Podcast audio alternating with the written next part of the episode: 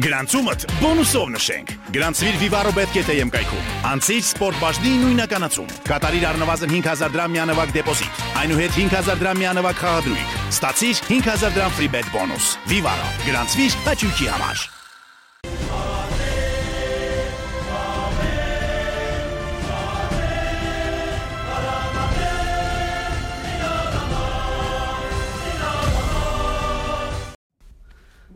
Բարև ձեզ հարգելի ֆուտբոլասերներ, ողջունում ենք ձեզ Պապապերես ոդկասթում։ Ես Ռոբի Ռաուլես, Իշխան Մելքոնյանը եւ այսօր կրկին Արամ Սահակյանը մեզ հետ միասին քննարկելու ենք Իսպանիայի առաջնության վերջաբանը, վերջին տուրը եւ այն ամենը, ինչ տեղ ունեցավ վերջին տուրում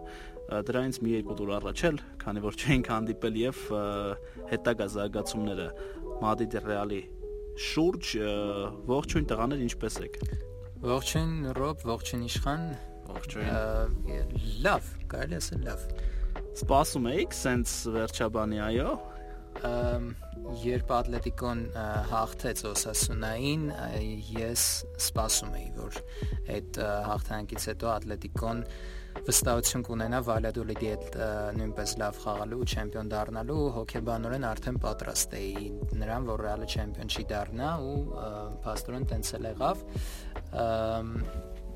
Բայց ամեն դեպքում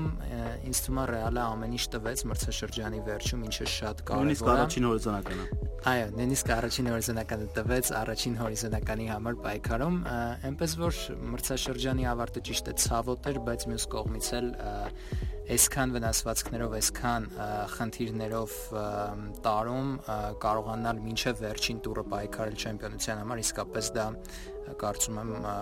հարգանքի արժանի եւ Իդեպ իդեպ մինչև իշխանի խոսքը փոխանցենք, սա այս տարի միավորների սակավությամբ երկրորդ մրցաշրջանն էր ամենացածր միավորներով, որ չեմպիոն են դառնում Ռեալի չեմպիոնությունից հետո 2006-2007 թվականի։ Այո, կապելոն էր մարզիչը։ Այո։ Դա դրանից հետո ամենացածր միավորներով չեմպիոնությունն էր։ Իշխան ինչ ասեմ, Ռեալը, ինչպես ասում են, մահացավ կանգնած այսինքն պարտվեց, բայց պարտվեց պատվով 3 մրցաշարերում էլ փաստորեն ոչ մի տիտղոս չնվաճեց, բայց իդեպ առաջի անգամ վերջին 10 տարվա մեջ։ Այո։ Եթե չհաշվենք լիգան, չեմպիոնների լիգան եւ արկայական գավաթը, այո, բայց էլի եղել է, որ այս 3 տիտղոսները չի հաղթել Սա այն դեպքն է, որ բոլորս կարծում եմ հպարտությամբ ենք ավարտում մրցաշրջանը, միայն շատ ափսոս, որ Զիդանը ու որոշ ֆուտբոլիստներ չեմպիոն չդարձան այսպիսի հերոսական, ինչև վերջին վարկյանը տեսակ Վիլյարեալի հետ խաղում էլ Ռեալը հավատաց, իմանալով որ Ատլետիկոն զուգահեռաբար հաղթում է, բայց Ռեալը հավատաց, կռվեց, չգիտեմ, շատ բաներ Ռեալին դեմ այս մրցաշրջանում մրցավարություն, վնասվածքներ, հանգամանքներ, անձրևները հիշեք Մադրիդ, ձյուն, ձյուն, Մադրիդում, չգիտեմ, 50 տարվա դաթարից հետո ձյուն եկա, որ Ռեալը չեմպիոն չդառնա։ Ռեալը պայքարեց ամեն դեպքում, բայց երեկվա կայծակն էլ որ Մադրիդում լիներ, ընդհանրապես էլի ցախողված կարելի էր համարել սեզոնը Ռեալի։ Ամեն դեպքում ես կարծում եմ, որ սա օրինաչափ էր, քանի որ Ռեալը ճիշտ է հաղթեց իր կարգի հաշվին, եթե ընդհանուր հայացք գցենք առաջնությանը, հաղթեց իր կարգի հաշվին ուժեղ թիմերին, Ատլետիկոյի Բարսելոնա եւ Սևիլիայի հետ խաղերում երկախաղի արդյունքով հաղթող էր, բայց միավորներ կորցրեց, տեսեք, Կադիսի դեմ տնային խաղում պարտվեց։ Մեր հարազատ շուտով Կադիսը։ Այո, Ալավեսին պարտվեց Օսասունայի ու Էլչեի նման թիմերի հետ էլ ոչ ոքի խաղաց։ Այս կորուստները փաստորեն ճակատագրական եղան։ Երկու հիմնական պատճառ կար։ Առաջին պատճառը, ինչպես հազար անգամ նշել ենք արդեն, ելի ասեմ, կրկնեմ, որ Ռեալի կազմը սպառված է ֆուտբոլիստները ծեր են եւ այլն գրո ձեռնարկելը լուրջ խնդիր է եւ կային խաղեր, որ չկար այն ֆուտբոլիստը, որ նույնիսկ չստացվող խաղում կարողանար հաղթանակ ապարգևել Ռեալին, անգամ այդպես Կադիսների դեմ խաղում, երբ որ ուղակի չի ստացվում խաղը, իսկ երբ որ չի ստացվում մրցակիցը այդքան էլ կարևոր չէ, այդպիսի դեպքերում չկար այն խաղացողը, որ չգիտեմ Ռոնալդոյի նման, Մեսսիի նման, որ կարողանար հաղթանակ ապահովել, տենց մենք էլ կորցրեցինք Լա լիգան։ Թվում է թե այս մրցաշրջանի միակ լուսավոր կետը դա Կարիմ Բենզեման էր եւ նրա վերադարձը Ֆրանսիայի հավաքական, թե ինչ խաղ ցուցադրեց Բենզեման ու ինչ արդյունավետություն, արդյունքում նաև հրավեր ստացավ Ֆրանսիայի հավաքականից, որը էլի շատ քննարկվեց միթե դա է մեր միակ ձեռքբերումը այս մրցաշրջանի իսկապես միայն դա է որովհետև օրինակ հենց նույն քո ասած թեմայի մեջ թարմ նորություն որ Ռեալը լինելով իսպանական ակումբ Իսպանիայի հավաքականին ոչ մի կադր այստեղ բացականչական նշաններ ոչ մի կադր չտվեց հավաքականին ու Եվրոպայի առաջությանը Իսպանիան լինելու է առանց մադրիդիստների։ Առաջին անգամ պատմության մեջ։ Առաջին անգամ պատմության մեջ Բենզեման միակներ ու էլի բան ասեմ, այսօր Մխիթարյանի մասին հոդված էի գրում, որպես եզրահանգում եկա նրան, որ Մխիթարյանն էլ Ռոմայում է միակ լուսավոր կետը ու այս առումով ֆուտբոլը ընդհանրապես թիմային մարզաձևը անարթարություն ունի մեկ ֆուտբոլիստը կարող է իր կյանքի ֆուտբոլը խաղալ բայց մնալ առանց պարգևի քանի որ խաղում է չգիտեմ այդ պահին թույլ թիմում Նույնը Բենզեմայի դեպքում է ստացվում։ Ավելացնելով, որ լուսավոր կետերի մասին, ինձ թվում է մի քանի երիտասարդ ֆուտբոլիստներ եւս այդ լուսավոր փոքրիկ կետերից։ Դա արդեն ավելի ապագային միտված լուսավոր կետ է։ Ինչ ես կարծում թե Մխիթարյանը լիներ Ռեալում այս մրցաշրջանում կարողանա ինչ որ բան փոխել։ Կարծում եմ շատ-շատ կօգներ։ Իսկապես տեսեք Իսկոն, Ասենսիոն, այն ֆուտբոլիստները, որոնք Ռեալում կատարում են այն ինչ որ Հենոն կատարում է Ռոմայում, այնքան վատ խաղացին, որ կրկնում եմ չհրավիրվեցին Իսպանիայի հավաքական, չունեցան ոչ մի կայունություն, չունեցան խաղաժամանակ, իսկ Մխիթարյանը իր այս խաղով մենակով քաշ տվեց Ռոմային Եվրագավաթ։ Կկառուցեր, կստեղծեր ոչ ստանդարտ գործողություններ կաներ ու այդ կադիսների դեմ խաղում նա կկարողանար ճեղքեր գտնել ու հաղթանակ ապահովել Ռեալին։ Բենզեման կունենար շատ լավ խաղընկեր։ Ինձ թվում է մենք նախ պետք է մի քիչ հարգալից խոսենք Կադիսի մասին, որովհետև շատ շուտով Հայաստանում ինքը շատ սիրված թիմ է դառնալու։ Իրականում ես մի քիչ ասենց ամբողջությամբ չէի համաձայնվի այն մտքի հետ, որ միայն Բենզեման է լուսավոր կետ, ամենալուսավորը միանշանակ Բենզեման է ու ես վստահ եմ, որ ոչ մի տիտղոս չտանելը հավելյալ մոտիվացիա տալու Բենզեմային Եվրոյում այսքան տարի հետո Ֆրանսիայի հավաքականում լավ խաղալու համար ես կուզեի առանձնացնեմ նաև Կուրտուային, որովհետև եթե մենք հիշենք թե ինչ էինք մենք խոսում իր մասին 2 տարի առաջ, ես անգամ մի հատ հոդված ունեի գրած, որը ի ուրախությունից ջնջվել է, այլ գոյություն չունի այդ հոդվածը։ Ինքը այնքան է ավելացրել այնքան է ավելացրել, որ ես կարծում եմ, որ երևի top 3 դարպասապահների մեջ կա այս բային ու բազմաթիվ անգամ Ռեալին փրկել է այս տարի շատ դեպքեր կարանք հիշենք որ Կուրտուան օգնել է Ռեալին ու իհարկե այդ մասով լրիվ համաձայն եմ ձեզ հետ, որ շատ երիտասարդներ ավելացրին սեզոնի վերջում։ Ես կուզեի Միլիտաոյի գործոնը նշել, որովհետև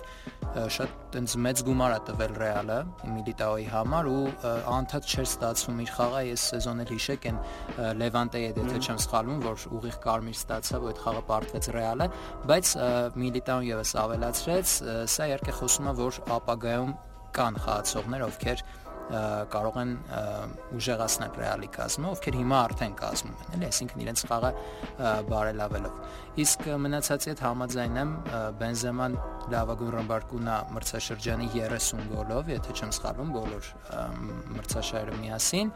ու հետո եթե չեմ սխալվում Կազեմիրոնն է 7 գոլ 7 գոլով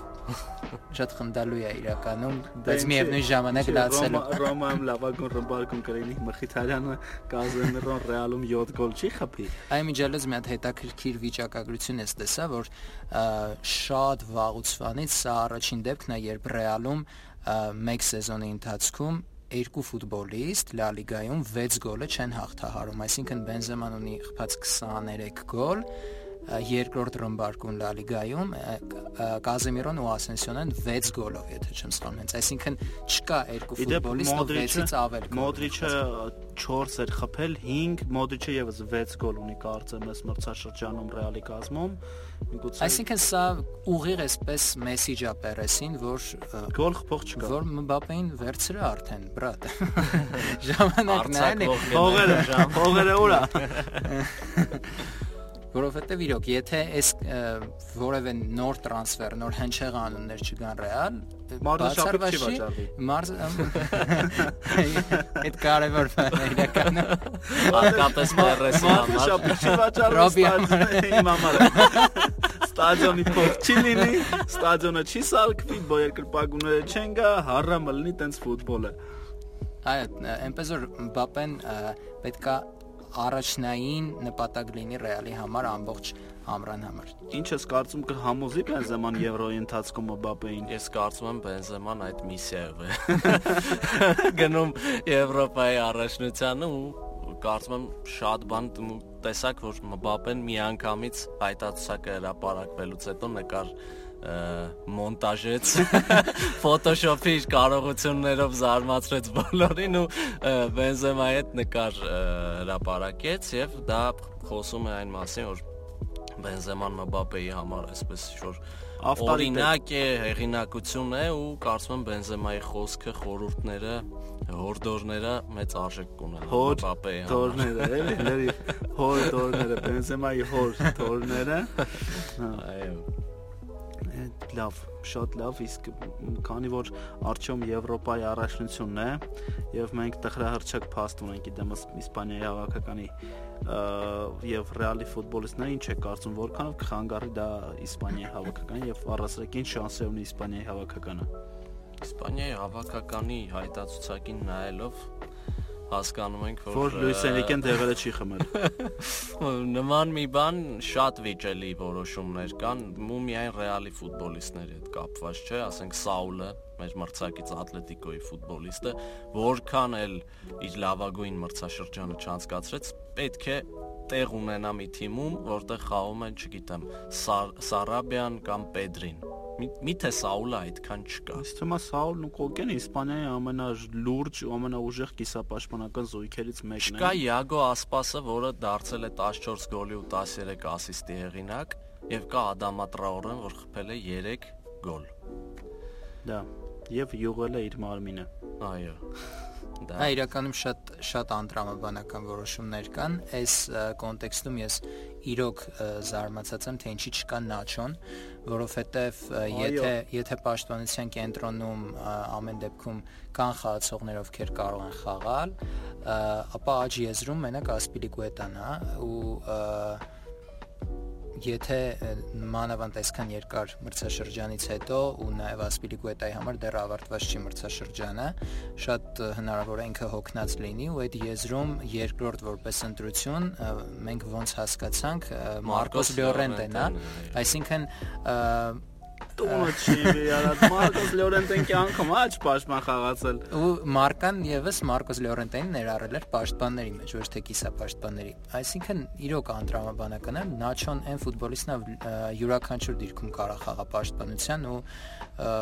հաշվի առնելով Նաչոյի հիանալի խաղը մրցաշրջանի վերջում Ռեալում իրոք հանելուկա թե ինչի Էնրիկեն չի իրավել իդեպ ես կարդացի Նաչոյի մասով եթե չեմ սխալվում ինքը ասել էր որ այո Նաչոն լավ մրցաշրջան անցկացրել, բայց ես ուզում եի հրավիրեմ 24 ֆուտբոլիստի ու իրոք ինքը